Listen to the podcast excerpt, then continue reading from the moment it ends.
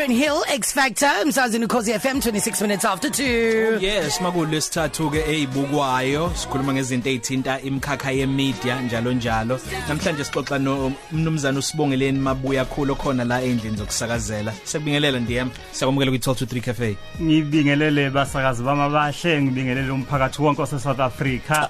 Oh my gosh yazi ngizingathi kumsazi lo wakudala umsazi bamabahle yes baby I understand sazi bamabahle because kwayintokozo futhi because kwayinjabulo ukuthi sikhulume nawe siyabonga ukuthi uthathe isikhathi kwi schedule sakhe busy uzohlala nathi ukhulume nathi ucobelele ngolwazi nakabanye abalaleli abathandayo ukungena kulomkhakha lokuwona intokozo yami eh selbi ngibonga kakhulu ithuba. Ungumqondisi unguproducer wamafilimu kodwa wena eh, uhlangothi olithanda kakhulu amafilimu azokhombisa axoxe indaba ikakhulukazi eindaweni zasemakhaya. Kungani kukhona amalokishi kukhona amadolobha? Mhlambe omuntu umuntu bengathi lezi indawo izona ezibezinga attractors zisondeza abantu ngenxa yobukhazikhazi bazo wena vele waye emakhaya. Umthwalo wakho wawuthini ukuthi uzwenze lokho mfethu mina njoba bese ngishilo igama ngosibongeleni wakamabuyakhulu ngidabuka le emkhanya kude. Engwavuma esigodini sasenyamane ngizalelwe emakhaya. Uma ngithola ithuba mina lokuthi ngikwazi ukuthi ngiye emadolobheni ngikwazi ukuthi ngize ngibe kulomkhakha enguwo ngibona kufanele ukuthi ngisizo nami omunye umuntu ngibona kufanele ukuthi ngibuyele ekhaya. Bathi ingane enhle sebenzele ekhaya. So yiloko nami engikuzamayo ukuthi ngisebenzele ekhaya. So so usukulomkhakha for iminyaka emingaki? Eh ngicabanga ukuthi sengilomkhakha mhlawumbe iminyaka ewu15 mm. Yeah. Mm. And bekunjani nje kulo 15 years? I mean into ehlalisho abantu abaningi ukuthi bekulukhuni. Yabona umfana nje wasemakhaya usuka lenyamane ezilusela inkomo then you end up getting a scholarship ukuthi uhambe uyofunda itelevision nefilm. Yabo ufika esikoleni ubona icomputer for the first time. Uyabo? So bekulukhuni ngoba umsebenzi engiwenzayo eh ngingene kulomkhakha as editor umsebenzi engiwenzayo sisebenzisa ama computer very high tech computer nama software anzima to edit i-video and stuff like that. So as ingane iphuma emakhaya that's the first time ubona i-computer. Hey kwakulukhuni mfethu. And then usukwazi ke usungenile ke manje sekumele ukuthi uzame nawe ukuthi uqaqeke uzame ukuthi adapt i mean ukusuka from ukwenza i take 5 usuyokwenza neyizo yizo. I mean ama platforms awuthiwa ahluka hlukene and inhlelo uzuthu ezihlohlukene talk show le enye ngale enye i drama kwakunjani nje kuwena? Kwakufana noma ubona ukuthi ish okay manje sekumele ukuthi ngene kulezi izicathulo khona akubangalikhuni kakhulu ngoba ukuedita into ebiyipassion yami. Yabona even esikoleni kuma group yabona makuthiwa sise film school eh enemis ngisho kuthiwa siya group ukuthi okay nini ba u5 nizoza le production ni ba u5 nizoza le production. I always bengihlala ngaso sonke isikhathi ngichoose ukuba iedit. Isizathu sokuqala salokho kahle kahle was because akekho umuntu obethanda editing ngoba uma uzokwenza editing uspend isikhathi esiningi. Uspend isikhathi esiningi wedwa ebusuku awulali and stuff like that. So abantu abantu abaningi bathanda ukuthi hayi bathi okay production ngizoshutha ngenzeni mase ngiqedile ngiqedile. Then yonke inkingi sisele ne editor ke manje. Fanele uhlale ubusuku bonke. So abantu abaningi bengabangathanda so ngicabanga ngathi okay uma kuya ngokuthi kule sikole ngikuso siba yi20 esenza i television actually yimi ngedwa imvamisa ovamisa ukuthi a choose ukuthi a edit le group kangangokuthi even amanye ama group uthola azongicela ukuthi sicela usi editele kusho ukuthi kanye kahle kahle even noma sengiphumele emhlabeni ama editors azobe yifew shuthi chance yami ukuthi ngithola umsebenzi lapha. Umnumzana usibongeleni mabuya khulu sixoxe naye namhlanje kwezibukwayo sazobuya futhi asitshele maqonda necompany yakhe ebizwa ngeAbsolute Gumba Entertainment. La khona ifilm yakhe eyayithi The Score yaphuma ngaphansi kwakhona. Kanti uphinde futhi wasungula ifilm festival festival ebizwa ngokuthi kwasuka sukela film festival. Kodwa ukhona siloku sihleli naye kwakhona la kwi 12 to 3 cafe.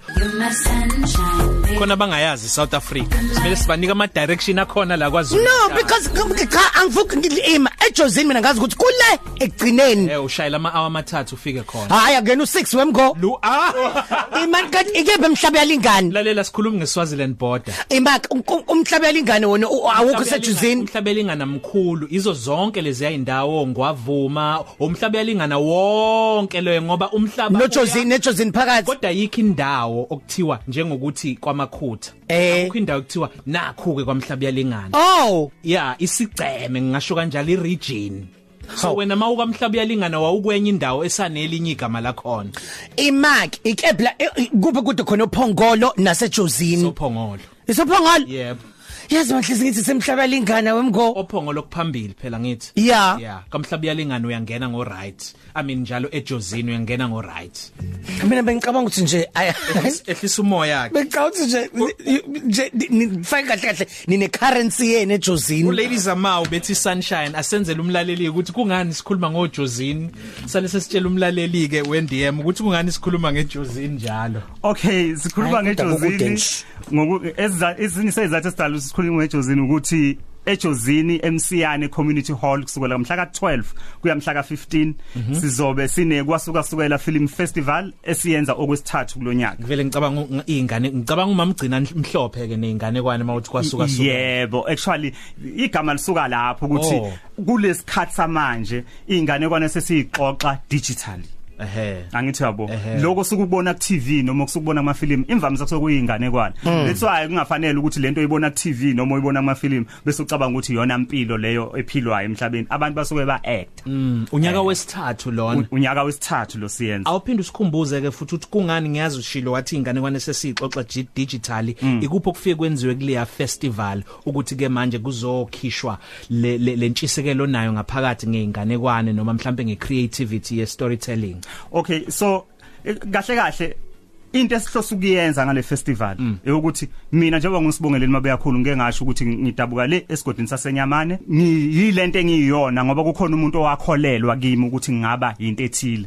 So nami ngiyakholelwa ekuthenini wonke umuntu umenikezwe ithuba angaba noma ngayini ayifisayo. Wow. so inhloso yethu ukuthi siye senze le festival bese senza ama training workshops. Sizobe senza i acting for camera senza i makeup for TV senza i storytelling as ama workshop then bese sikhombisa ama film ke. Ngoba okubalekile ukuthi umuleki ethejozini Yeah. isinema yokuqala ozoyithola uzoyithola eh, uzoyithola eRichards Bay. Yeah. kunabantu bangakithi into okuthiwa i big screen abangaze bayibona thina sizama ukuthi sibalethele leyo experience ye big screen ngoba ukuthi wasejozini akusho ukuthi thina fanele singawabuka ama film Yebo. ase cinema ngoba ama film esiwalethayo kahle kahle ama film ase cinema nasanda ukuphuma e cinema mm yeah. Okay so ke umuntu bakanjani ingxenye yalokho nokuthi eh, umuntu nongakaze nje azicabange nekhono mhlawumbe oyicabangela umsebenzi uthi ayake ngiyozama. Ubane nimmema lapha ya noma yintsha futhi kakhulukazi? Mfethu abantu esibamemayo kakhulukazi intsha kodwa ake ngichazele nje ngeprogram yethu yokuthi ekseni kusukela ngo 9 to 12 sizobe sikhombisa amafilimu asuitable for a- alungele ukubukwa yingane odado so siyabacela abazali ukuthi please balethe ingane emsiyane community hall. Kusukela ngo9 kuya ku 12 nabo bazobuka amafilimu alingane nabo. And ikole zobe seyivaliwe. Ikole zobe seyivaliwe. Bese kuthi ngo- kusukela ngo2 kuya ku5 sobe sikhombisa amafilimu alungele abantu ukuthi angabukwa abantu abadala. Izathu salokho njalo ukuthi sibuye si siguguzele usiko lokuthi uma iTV idlala ithi eh age restriction 16 or 13 asimusa ukuthi sikhombise izingane amafilimu angalungele zona. Yikho sithi ingane ekseni abantu abadala ntambama ngoba kusuke kunesizathu esidala ukuthi kuthiwa ifilimu ethile ayikwazi ukubukwa umuntu eneminyaka ngaphansi ethile. So um ubuthi njoba usibona ukuthi u- wasebenza kuyizo yizo wena wa editor leya scene leyana ngiyakubona. eh, leya senze abanye bethu kodwa singaphindi sibuke yizo yizo nani nani nani when? Cha akumina. Ngafika eyizo yizo njenge assistant editor eh kuyizo yizo 3 but ngiyayazi lesinokhuluma ngayo. Mm. Angisale sengibuza yazi eh, qedela ukoda wakho busasho kodwa ke phela ezinye izinto futhi ezokuthi izinto uma usibona ku TV zisuke zidramatiziwe zisuke zenziwe zaba ukuthi zithi ukuthi zinyuke kancane izinga. Ay, kufanele Kukhona- phela, yeah. yeah Yeah. mm, mm. wendiyema umthetho sisekelo uthini nepolicy yakafilm ithini? Ngoba ngiyabona ezinye izinto kuya ngokuya kuya ngokuya kuya ngokuya nezinto esasibabaza 15 years back seyivele ivele mean manje ezinye age restriction makukuthi yayithi 18 uthola ukuthi manje sithi 10 uthini umgomo? Njengamagama nje athi oh my yabo? Qala mawuzolisho lelo gama lika lika God.